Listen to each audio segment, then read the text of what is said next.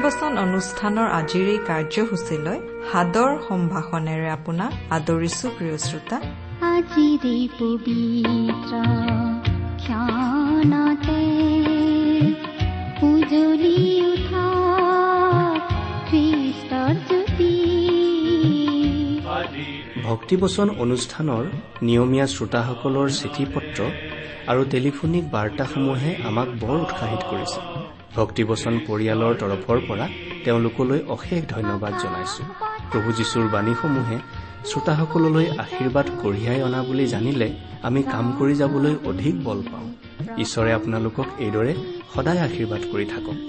আপোনাৰ জীৱন আৰু পৰিয়ালত সদায় সুখ শান্তি আৰু প্ৰচুৰতা প্ৰভু যীশুৱে দান কৰক। শাৰীৰিক সকলো ৰোগ ব্যাধি পাৰিবাৰিক সমস্যা আৰু আত্মিক সকলো বন্ধনবোৰৰ সমাধান দিব পৰা প্ৰভু যীশুৰ বাণীসমূহে যেন আপোনাৰ জীৱনলৈ নতুনত্ব আৰু জীয়াই থকাৰ প্ৰকৃত অৰ্থ কঢ়িয়াই আনে এয়ে আমাৰ প্ৰাৰ্থনা।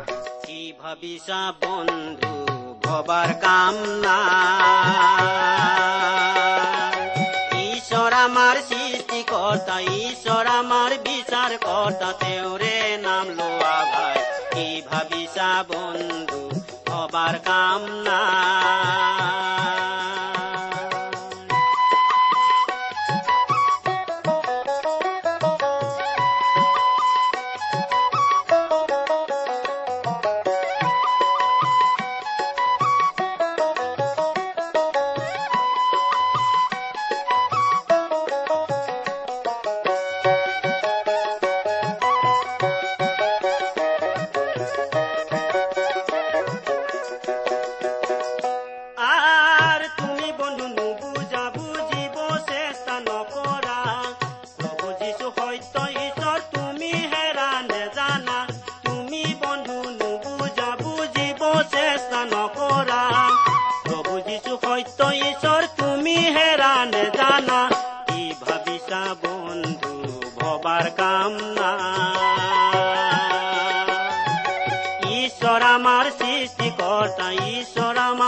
আমাৰ বিচাৰ কৰ্তা তেওঁৰে নাম লোৱা ভাল।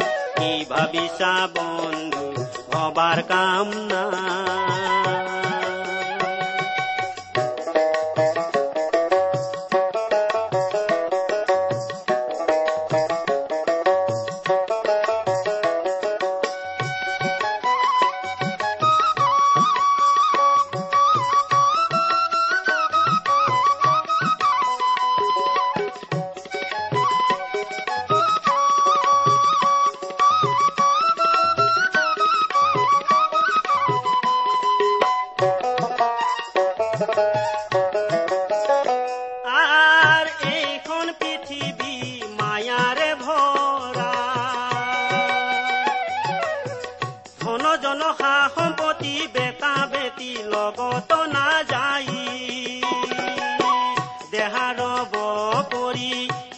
যাব চলি।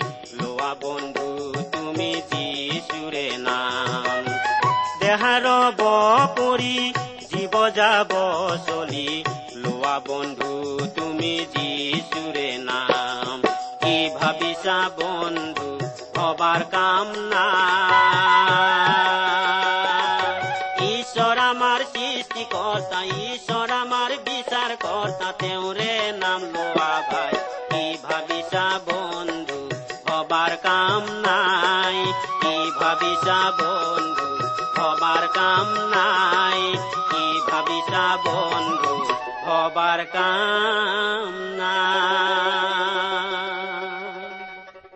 আমাৰ পৰম পবিত্ৰ প্ৰভু যীশুখ্ৰীষ্টৰ নামত নমস্কাৰ প্ৰিয় শ্ৰোতা। আশা কৰো মহান পিতা পৰমেশ্বৰৰ মহান অনুগ্ৰহত আপুনি ভালে কুশলে আছে।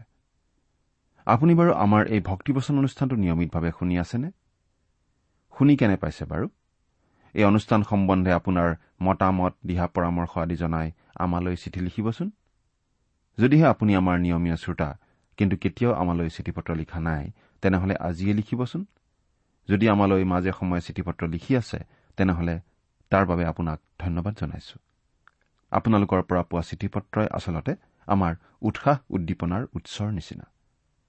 আহকচোন আজিৰ বাইবেল অধ্যয়ন আৰম্ভ কৰাৰ আগতে খন্তেক প্ৰাৰ্থনাত মূৰ দুৱাওঁ। আমি প্ৰাৰ্থনা কৰো। স্বৰ্গত থকা অসীম দয়ালু পিতৃ ঈশ্বৰ তোমাৰ মহান নামৰ ধন্যবাদ কৰো। তুমি সৰ্বশক্তিমান সৰ্বব্যাপী সৰ্বজ্ঞানী ঈশ্বৰ হৈও আমাৰ দৰে ক্ষুদ্ৰ মানৱক যে ইমান প্ৰেম কৰা সেই কথা ভাবিলেই আচৰিত হওঁ। তুমি আমাক ইমানেই প্ৰেম কৰিলা যে আমাক পৰিত্ৰাণ দিবলৈ তুমি তোমাৰ একেজাত পুত্ৰ যীশুখ্ৰীষ্টকেই আমালৈ দান কৰিলা। তেওঁ ক্ৰুচত নিজৰ পবিত্ৰ তেজেৰে আমাৰ পাপৰ প্ৰাচিত্য কৰিলে। আজি তেওঁত বিশ্বাস কৰি আমি অনন্ত জীৱন লাভ কৰি তোমাক পিতৃ বুলি মাতিব পৰা হৈছো। তাৰ বাবে তোমাক অশেষ ধন্যবাদ পিতা। এতিয়া আমি তোমাৰ মহান বাক্য বাইবেল শাস্ত্ৰ অধ্যয়ন কৰিবলৈ ওলাইছো। প্ৰাৰ্থনা কৰিছো পিতা তোমাৰ বাক্য তুমিয়েই আমাক বুজাই দিয়া। এই অনুষ্ঠান শুনি থকা আমাৰ মৰমৰ শ্ৰোতাসকলক তুমি উপচি পৰাকৈ আশীৰ্বাদ কৰা। জাগতিক প্ৰয়োজনসমূহৰ লগতে তেওঁলোকৰ আধ্যামিক দিশৰ প্ৰয়োজনসমূহ তুমি পূৰণ কৰা। কিয়নো এই প্ৰাৰ্থনা আমাৰ মহান ত্ৰাণকৰ্তা মৃত্যুঞ্জয় প্ৰভু যীশুখ্ৰীষ্টৰ নামত আগবঢ়াইছো। প্ৰিয় শ্ৰোতা আমি এতিয়া বাইবেলৰ নতুন নিয়ম খণ্ডৰ ইফিচিয়াবিলাকৰ প্ৰতি পত্ৰ বা চমুকৈ ইফিচিয়া পত্ৰৰ পৰা অধ্যয়ন চলাই আছো নহয় জানো? আমি আমাৰ আগৰ অনুষ্ঠানত এই ইফিচিয়া পত্ৰৰ তিনি নম্বৰ অধ্যায়ৰ তেৰ নম্বৰ পদলৈকে পঢ়ি আমাৰ অধ্যয়ন আগবঢ়াইছিলো। আপুনি যদি আমাৰ আগৰ অনুষ্ঠানটো শুনিছিল তেনেহলে সেই কথা আপোনাৰ নিশ্চয় মনত আছে। আজিৰ অনুষ্ঠানত আমি তিনি নম্বৰ অধ্যায়ৰ বাকী থকা অংশখিনি চাব খুজিছো। প্ৰিয় শ্ৰোতা আমাৰ এই অনুষ্ঠান বাইবেল অধ্যয়নৰ অনুষ্ঠান। কেৱল আমি কৈ যাম আৰু আপোনালোকে শুনি যাব তেনে নহয়। আমি আশা কৰো আপোনালোকেও লগত বাইবেল এখন মেলি লৈ আমাৰ লগতে যাতে চাই যায়। লগত কাগজ কলম লৈ লোৱাটো আৰু ভাল হয়। কেতিয়াবা কোনো কথা আপোনাৰ লিখি থবলৈ মন যাব পাৰে। কিবা কথা বুজাত টান লাগিলে লিখি থব পাৰে। পাছত কাৰোবাৰ লগত আলোচনা কৰিব পাৰিব নহলে আমালৈও লিখিব পাৰে। বাৰু যি কি নহওক এতিয়া আমি বাইবেলৰ পৰা পাঠ কৰি যাম। আৰু আমাৰ অধ্যয়ন আগবঢ়াম। আশা কৰো আপোনাৰ বাইবেলখন মেলি লৈ ইফিচিয়া পুস্তকৰ তিনি নম্বৰ অধ্যায়টো উলিয়াই লৈছে। আপোনাৰ লগত যদি বাইবেল নাই সোনকালে এখন যোগাৰ কৰি ল'বলৈ চেষ্টা কৰিবচোন। এতিয়া আমি পাঠ কৰি দিম ইফিচিয়া তিনি নম্বৰ অধ্যায়ৰ চৈধ্য আৰু পোন্ধৰ নম্বৰ পদ। এইকাৰণে স্বৰ্গত আৰু পৃথিৱীত থকা প্ৰত্যেক বংশই যি পিতৃৰ পৰা নাম পাইছে সেই পিতৃৰ আগত মই আঁঠু লৈ এই প্ৰাৰ্থনা কৰো। স্বৰ্গত আৰু পৃথিৱীত থকা প্ৰত্যেক বংশই যি পিতৃৰ পৰা নাম পাইছে ঈশ্বৰৰ পৰিয়াল কি অপূৰ্ব? আমি বহুতে ভাবো ঈশ্বৰৰ পৰিয়ালটো যেন আমাৰ নিজৰ পৰিয়ালটোৰ নিচিনা অতি সৰু পৰিয়ালহে। কোনোবাই হয়তো ভাবিব পাৰে তেওঁলোকৰ মণ্ডলীৰ সৰু দলটোলৈহে ঈশ্বৰে কেৱল কাণ পাতে। সেই দলটোহে যেন মাত্ৰ ঈশ্বৰৰ পৰিয়াল। কিছুমান মানুহে ভাবে তেওঁলোকৰ মণ্ডলীটোৱেই মাত্ৰ ঈশ্বৰৰ বিশ্বাসী ভক্তৰ দল। সাধু লোক। আকৌ কোনো কোনো লোকে ভাবে তেওঁলোকৰ সম্প্ৰদায়টোহে যেন ঈশ্বৰৰ লোক। কোনো কোনোৱে আকৌ ভাবে কেৱল খ্ৰীষ্টীয় বিশ্বাসী লোকসকলক লৈ গঠিত যি মণ্ডলী সেই মণ্ডলীকেই মাত্ৰ ঈশ্বৰে উদ্ধাৰ কৰিছে। পঞ্চাছদিনীয়া পৰ্বৰ পৰা আৰম্ভ কৰি পৃথিৱীৰ পৰা মণ্ডলীক উত্তোলিত কৰি নিয়া দিন পৰ্যন্ত। যিসকল লোকে খ্ৰীষ্টত আশ্ৰয় লয় তেওঁলোকেই মাত্ৰ ঈশ্বৰৰ লোক কিন্তু প্ৰিয় শ্ৰোতা আমি এটা কথা পাহৰি যোৱা উচিত নহয় যে এই পৃথিৱীত খ্ৰীষ্টীয় মণ্ডলী স্থাপন হোৱাৰ আগতেও ঈশ্বৰে বহুতো মানুহক উদ্ধাৰ কৰিছিল আৰু এই পৃথিৱীৰ পৰা খ্ৰীষ্টীয় মণ্ডলীক উঠাই লৈ যোৱাৰ পাছতো তেওঁ বহুতো লোকক উদ্ধাৰ কৰিব। ঈশ্বৰৰ পৰিয়ালত আন আন সদস্যও আছে। যেনে ধৰক স্বৰ্গদূতবিলাক ঈশ্বৰৰ পৰিয়ালৰ সদস্য। তেওঁ সৃষ্টি কৰা অগণন দূত আৰু স্বৰ্গ নিবাসী আন আন ব্যক্তিসকলক জোহনে দেখিছিল বুলি আমি প্ৰকাশিত বাক্যত পঢ়িবলৈ পাওঁ। আৰু সেই সকলোবোৰৰ লেখ জোখ নাই বুলি জোহনে আমাক জনাইছে। সেই সকলোৱেই ঈশ্বৰৰ পৰিয়ালৰ সদস্য। আমি প্ৰতিজন খ্ৰীষ্টীয় বিশ্বাসীও ঈশ্বৰৰ পৰিয়ালৰ সদস্য। মুঠতে ঈশ্বৰৰ পৰিয়াল অতি বৃহৎ। আমি সেই পৰিয়ালৰ অন্তৰ্ভুক্ত হবলৈ যে সুবিধা পাইছো তাৰ বাবে ঈশ্বৰক ধন্যবাদ দি শেষ কৰিব নোৱাৰো। সেইকাৰণে সেই পিতৃৰ আগত মই আঁঠু লৈ প্ৰাৰ্থনা কৰো। সেইকাৰণে কি কাৰণে বাৰু? পাচনি পৌলে ইফিচিয়া লোকসকলৰ বাবে বিশেষভাৱে চিন্তা কৰে কাৰণে। এই অনুগ্ৰহৰ কালৰ বিষয়ে যাতে ইফিচিয়া বিশ্বাসীসকলে ভালদৰে বুজি পায় আমি যে এই অনুগ্ৰহৰ কালৰ বিশেষ আশীৰ্বাদ লাভ কৰিবলৈ সুবিধা পাইছো আৰু যীশুখ্ৰীষ্টত প্ৰকাশ পোৱা ঈশ্বৰৰ উপচি পৰা অনুগ্ৰহৰ অভিজ্ঞতা যেন তেওঁলোকে লাভ কৰিব পাৰে সেইকাৰণে এই পটভূমিতেই পাচনি পৌলে কথাখিনি লিখিছে। সেই কথাখিনিকেই তেওঁ আচলতে এক আৰু চৈধ্য নম্বৰ পদৰ মাজৰ অংশখিনিত প্ৰকাশ কৰিছে। পাচনি পৌল যে অতি প্ৰাৰ্থনাশীল ব্যক্তি আছিল সেই কথাটো আমি ইতিমধ্যে উল্লেখ কৰি আহিছো। এই পত্ৰখনত এইটো পৌলৰ দ্বিতীয়টো বিশেষ প্ৰাৰ্থনা। তেওঁ খ্ৰীষ্টীয় মণ্ডলীক ঈশ্বৰে লিখা এটা কবিতা পবিত্ৰ আত্মাৰ মন্দিৰ অনন্তকলীয়া নিগৃঢ় তত্ব বুলি দাঙি ধৰিছে আৰু সেয়েহে প্ৰাৰ্থনা কৰিছে যাতে এই মহান সত্যসমূহ খ্ৰীষ্টীয় বিশ্বাসীসকলৰ জীৱনত বাস্তৱত পৰিণত হয়। ইয়াতে আমি পাচনি পৌলৰ প্ৰাৰ্থনাৰ আন এটা বিশেষত্ব দেখা পাওঁ। ইয়াতে আমি তেওঁৰ প্ৰাৰ্থনাৰ ভংগীও দেখা পাওঁ। এই কথাটোকে আমি এটা ডাঙৰ বিষয় বুলি ক'ব খোজা নাই। কিন্তু ইয়াত আমি এনেদৰে পাওঁ সেই পিতৃৰ আগত মই আঁঠু লৈ প্ৰাৰ্থনা কৰো। পাচনি পৌলে আঁঠু লৈ প্ৰাৰ্থনা কৰিছিল। তাৰমানে আমি সমজুৱাভাৱে প্ৰাৰ্থনা কৰোতে সকলোৱে আঁঠু কাঢ়ি প্ৰাৰ্থনা কৰিবই লাগে বুলি ক'ব খোজা নাই। কিন্তু আঁঠু কাঢ়ি প্ৰাৰ্থনা কৰাটো নিশ্চয় উত্তম এই কথা আমি সকলোৱে মানি লওঁ। অৱশ্যে আমি প্ৰায় ক্ষেত্ৰতেই প্ৰাৰ্থনাৰ সময়ত আঁঠু লোৱা খুব কমেইহে দেখো তাৰ অৱশ্যে কাৰণো আছে। বহু সময়ত কিছুমান ব্যৱহাৰিক অসুবিধাও থাকে কেতিয়াবা সকলোৱে আঁঠু ল'ব পৰাকৈ আহল বহল ঠাই নাথাকিবও পাৰে। কিন্তু যদি সকলোৱে অতি ভক্তিপূৰ্ণভাৱে আঁঠু লৈ প্ৰাৰ্থনা কৰে তেতিয়া প্ৰাৰ্থনাৰ পৰিৱেশটো নিশ্চয় অতি ভক্তিপূৰ্ণ হ'ব তাত নিশ্চয় সন্দেহ নাই। আচলতে প্ৰাৰ্থনাৰ সময়ত আঁঠু লোৱাটো সকলো ঠাইতেই কম বেছি পৰিমাণে গ্ৰহণযোগ্য প্ৰথা। কিছুমান খ্ৰীষ্টীয় মণ্ডলীত অৱশ্যে প্ৰাৰ্থনাৰ সময়ত আঁঠু লোৱাটো বাধ্যতামূলক বুলি ক'ব পাৰি। এবাৰ এঘৰ মানুহৰ ঘৰত প্ৰাৰ্থনাৰ বাবে গোট খাবলৈ আপোনালোকৰ এই অধমেও সুবিধা পাইছিলো। মানুহ ঘৰৰ প্ৰাৰ্থনা কৰাৰ ৰীতি দেখি খুব ভাল লাগিছিল। মজিয়াত কাপোৰ পাৰি সকলোৱে আঁঠু লৈ প্ৰাৰ্থনা কৰিছিল। গোটেই পৰিৱেশটোৱেই ভাল লাগিছিল। আজিকালি অৱশ্যে আধুনিকতাই আমাৰ মণ্ডলীবোৰকো চুইছে। আমি মজিয়াত বহিবলৈ ভাল নাপাওঁ। জোতা মোজা পিন্ধি আৰামী চকীত বহি গীৰ্জা উপাসনাত যোগ দিবলৈ পালেহে বেছি ভাল পাওঁ। কিন্তু তাকে কৰোতে আমি যেন কিবা এটা হেৰুৱাইছো এনেকুৱা লাগে। আমাৰ মণ্ডলীসমূহত বিভিন্ন মানুহৰ মাজত অধিক চীনা পৰিচয় আৰু মিলা মিছা হোৱাটো উচিত।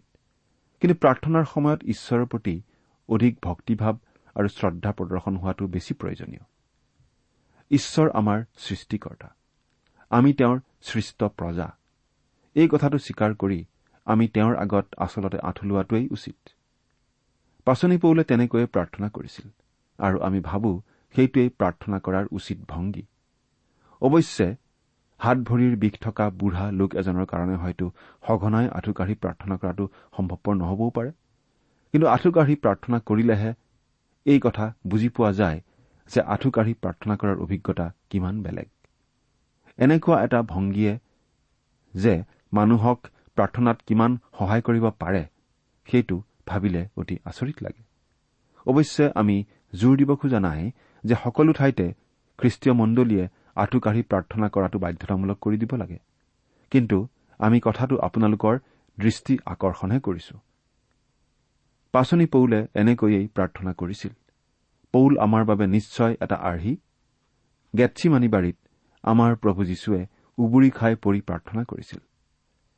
আমি ঈশ্বৰৰ আগত উবুৰি খাই প্ৰাৰ্থনা কৰাতনো কেনেকৈ আপত্তি থাকিব পাৰে? আন এটা গুৰুত্বপূৰ্ণ কথাও আমি মনত ৰখা উচিত।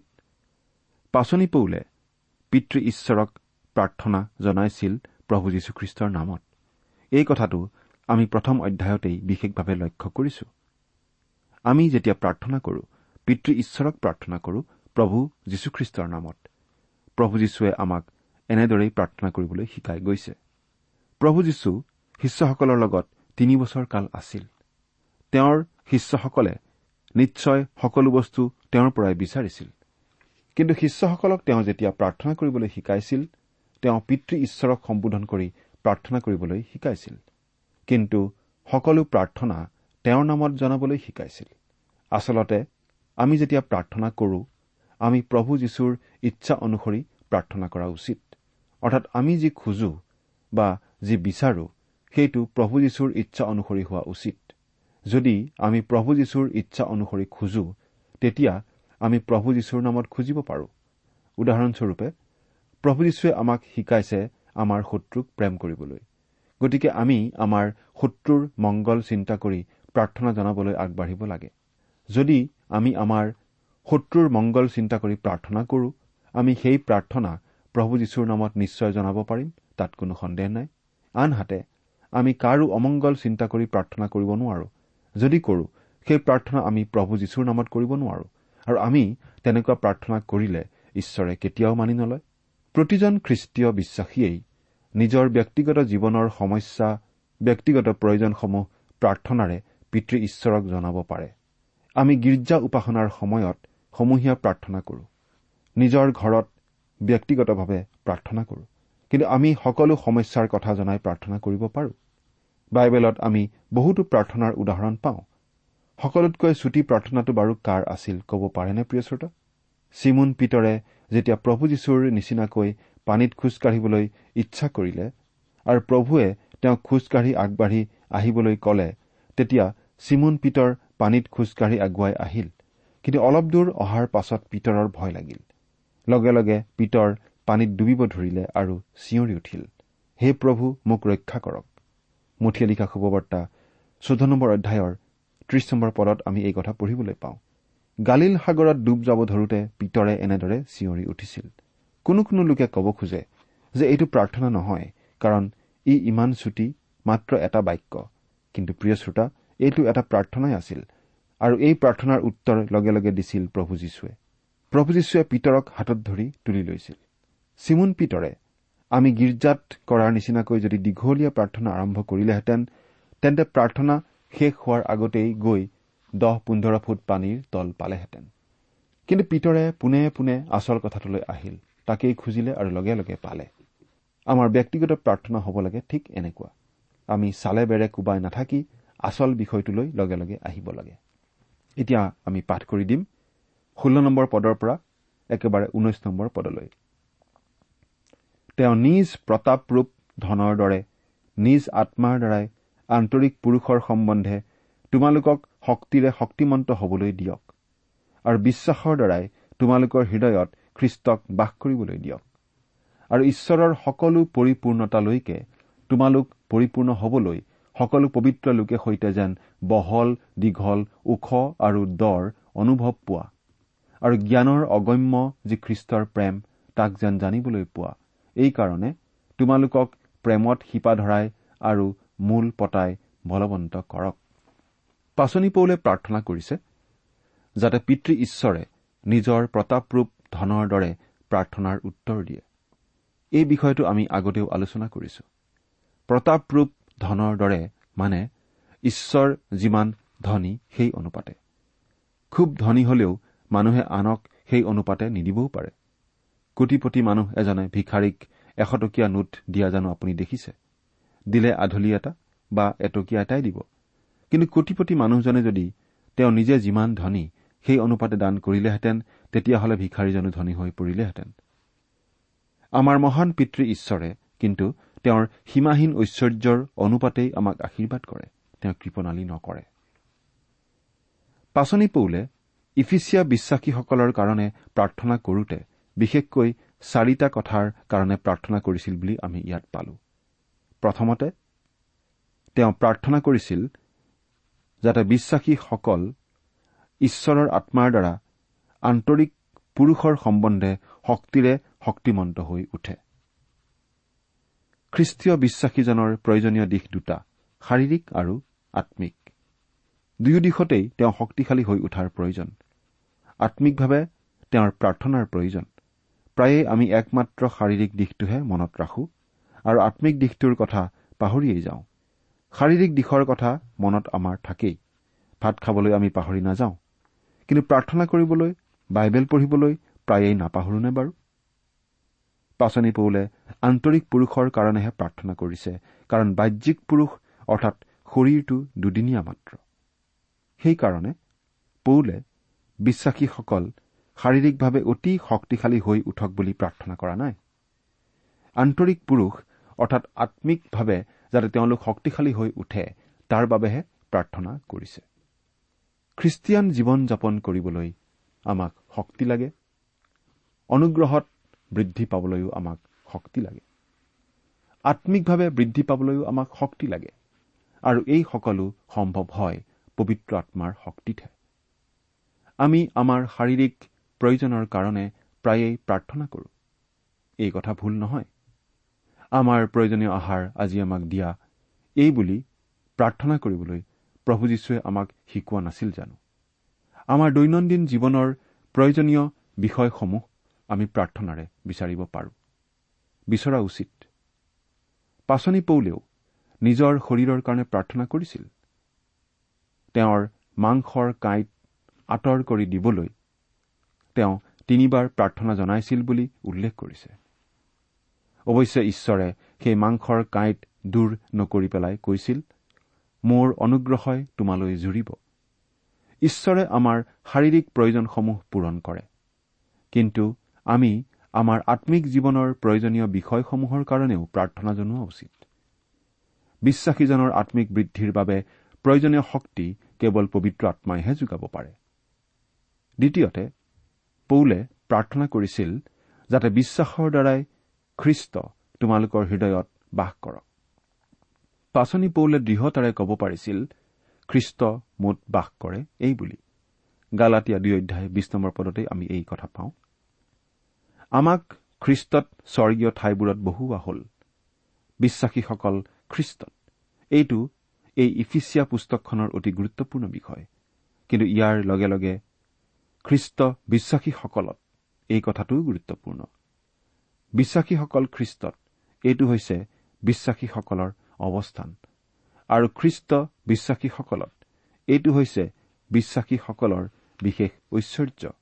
এইকাৰণেই আমাক এই কথা কোৱা হৈছে। দ্বিতীয় কৰিন্ঠিয়া তেৰ নম্বৰ অধ্যায়ৰ পাঁচ নম্বৰ পদত এনেদৰে তোমালোক বিশ্বাসত আছা নে নাই তাক জানিবলৈ নিজৰ পৰীক্ষা কৰা আৰু নিজৰ প্ৰমাণ চোৱা। নতুবা তোমালোকে নিজৰ বিষয়ে নাজানা নেকি যে যীশুখ্ৰীষ্ট তোমালোকৰ অন্তৰত আছে? নাথাকিলে তোমালোক অপ্ৰমাণিক লোক। খ্ৰীষ্ট দুদিনীয়া আলহী নহয়। যেতিয়াই আমি তেওঁক বিশ্বাস কৰি গ্ৰহণ কৰো তেওঁ আত্মাৰূপে আমাৰ হৃদয়লৈ আহে আৰু বাস কৰে স্থায়ীভাৱে। তৃতীয়তে পাচনি পৌলে প্ৰাৰ্থনা কৰিছিল যাতে বিশ্বাসীসকলে জ্ঞানৰ অগম্য যি প্ৰেম খ্ৰীষ্টৰ সেই মহান প্ৰেমৰ দীঘ পুতল আৰু দৰ কথা বুজি পাব পাৰে। তেওঁ প্ৰাৰ্থনা কৰিছে যাতে তেওঁলোকে প্ৰেমত শিপা ধৰিব পাৰে দৃঢ় মূল স্থাপিত হ'ব পাৰে। খ্ৰীষ্টৰ প্ৰেম মানুহৰ জ্ঞানৰ অগম্য। এই প্ৰেমৰ প্ৰকাশ হৈছে পিতৃ ঈশ্বৰৰ মহান প্ৰেমৰ মাজেৰে। বহল। খ্ৰীষ্টৰ প্ৰেমৰ প্ৰস্থ কিমান? খ্ৰীষ্টৰ মৰমৰ হাত দুখনে গোটেই পৃথিৱীকেই আঁকোৱালি লৈছে। দৈৰ্ঘ্য।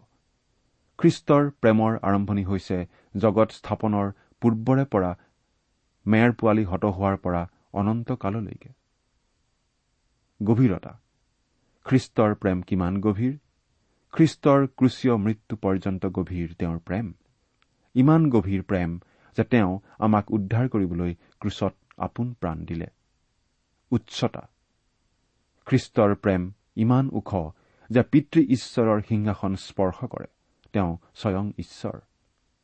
খ্ৰীষ্টৰ এই মহান প্ৰেম সম্পূৰ্ণকৈ আমাক বুজাই দিব পাৰে একমাত্ৰ পবিত্ৰ আত্মাইহে।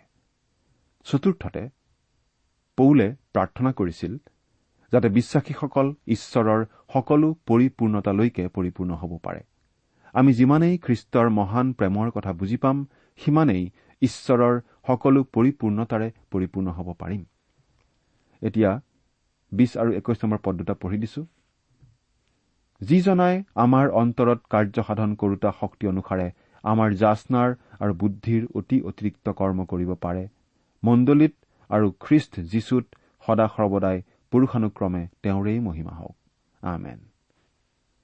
ইয়াৰেই পাচনি পৌলে প্ৰাৰ্থনাৰ সামৰণি মাৰিছে। ইয়াতেই পত্ৰখনৰ প্ৰথমটো ভাগৰ সামৰণি পৰিছে। এইটো পাচনি পৌলৰ আম্মিক প্ৰশংসাৰ মহান উদগিৰণ বুলি আমি ক'ব পাৰোঁ। ইয়াত আমি আৰু একো মন্তব্য যোগ দিয়াৰ প্ৰয়োজন নাই। প্ৰিয় শ্ৰোতা পিতৃ ঈশ্বৰে আমাক যিমানবোৰ আম্মিক আশীৰ্বাদ দিবলৈ সাজু হৈ আছে আমি তাৰ সামান্যতম ভাগহে এতিয়ালৈকে গ্ৰহণ কৰিছো। কিন্তু তেওঁ আমাক দিবলৈ অনবৰতে সাজু হৈ আছে।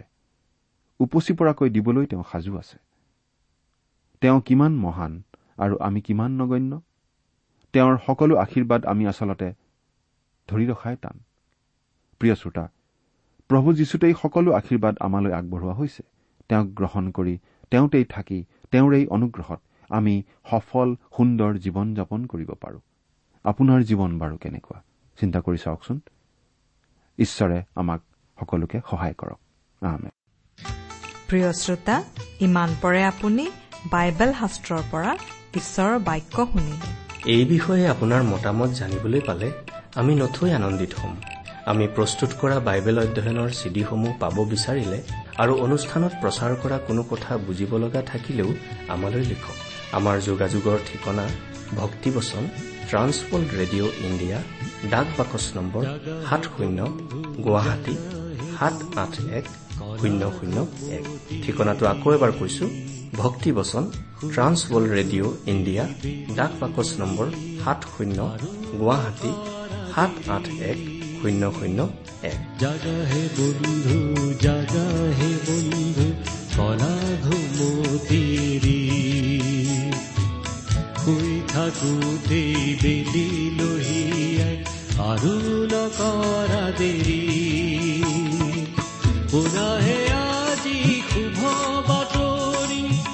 হৃদয় শান্ত কৰা। সৰগৰ দুৱাৰ হ'ল মুকলি দুনয়ন ভৰি চোৱা। শুনাহে আজি শুভ বাতৰি হৃদয় শান্ত কৰা। সৰগৰ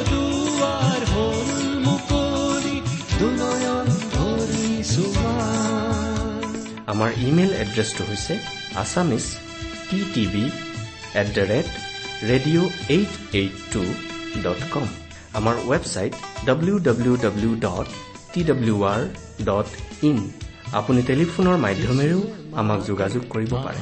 আমাৰ টেলিফোন নম্বৰটো হৈছে nine eight five four zero' four zero' eight eight nine phone নম্বৰটো আকৌ এবাৰ কৈছো। ন আঠ পাঁচ চাৰি শূন্য চাৰি শূন্য আঠ আঠ ন। যিশুৱে মাতে আহা কাষলে ভয় শংকা এৰি। অনন্ত জীৱন আছে তেওঁতে আহা সবে আজি দৌৰি যিচুতে পাবা পাপ অপৰাধ ক্ষমা। তোমাৰ জীৱন আৰু প্ৰাণ তেওঁতে অৰ্পণ কৰা যিচুতে পাবা সুখৰ আধাৰ পাপ অপৰাধ ক্ষমা। তোমাৰ জীৱন আৰু প্ৰাণ তেওঁতে অৰ্পণ কৰা আপুনি এই ভক্তিবচন অনুষ্ঠানটি আমাৰ website radio' eight eight two dot কমতো শুনিব পাৰিব। আজিৰ অনুষ্ঠানটি ইমানতেই সামৰিছো। ঈশ্বৰৰ শান্তি আৰু অনুগ্ৰহ আপোনাৰ লগত থাকক। ধন্যবাদ।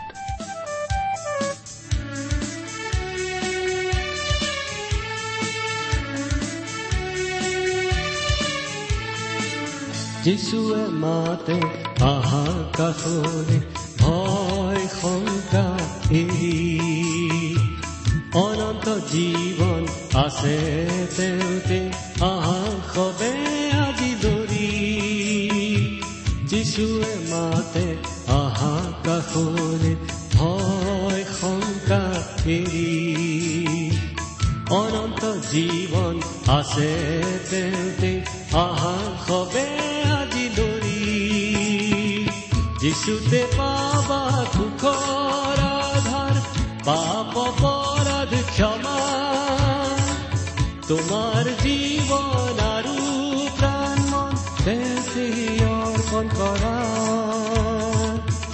যিশুতে বাবা দুঃখর আধার, পাপ অপরাধ ক্ষমা। তোমার জীবন আরু প্রাণ পেতে অর্পণ করা। জাগা হে বন্ধু, জাগা হে বন্ধু, কলা ঘুমতিরি খুই ঠাকুর।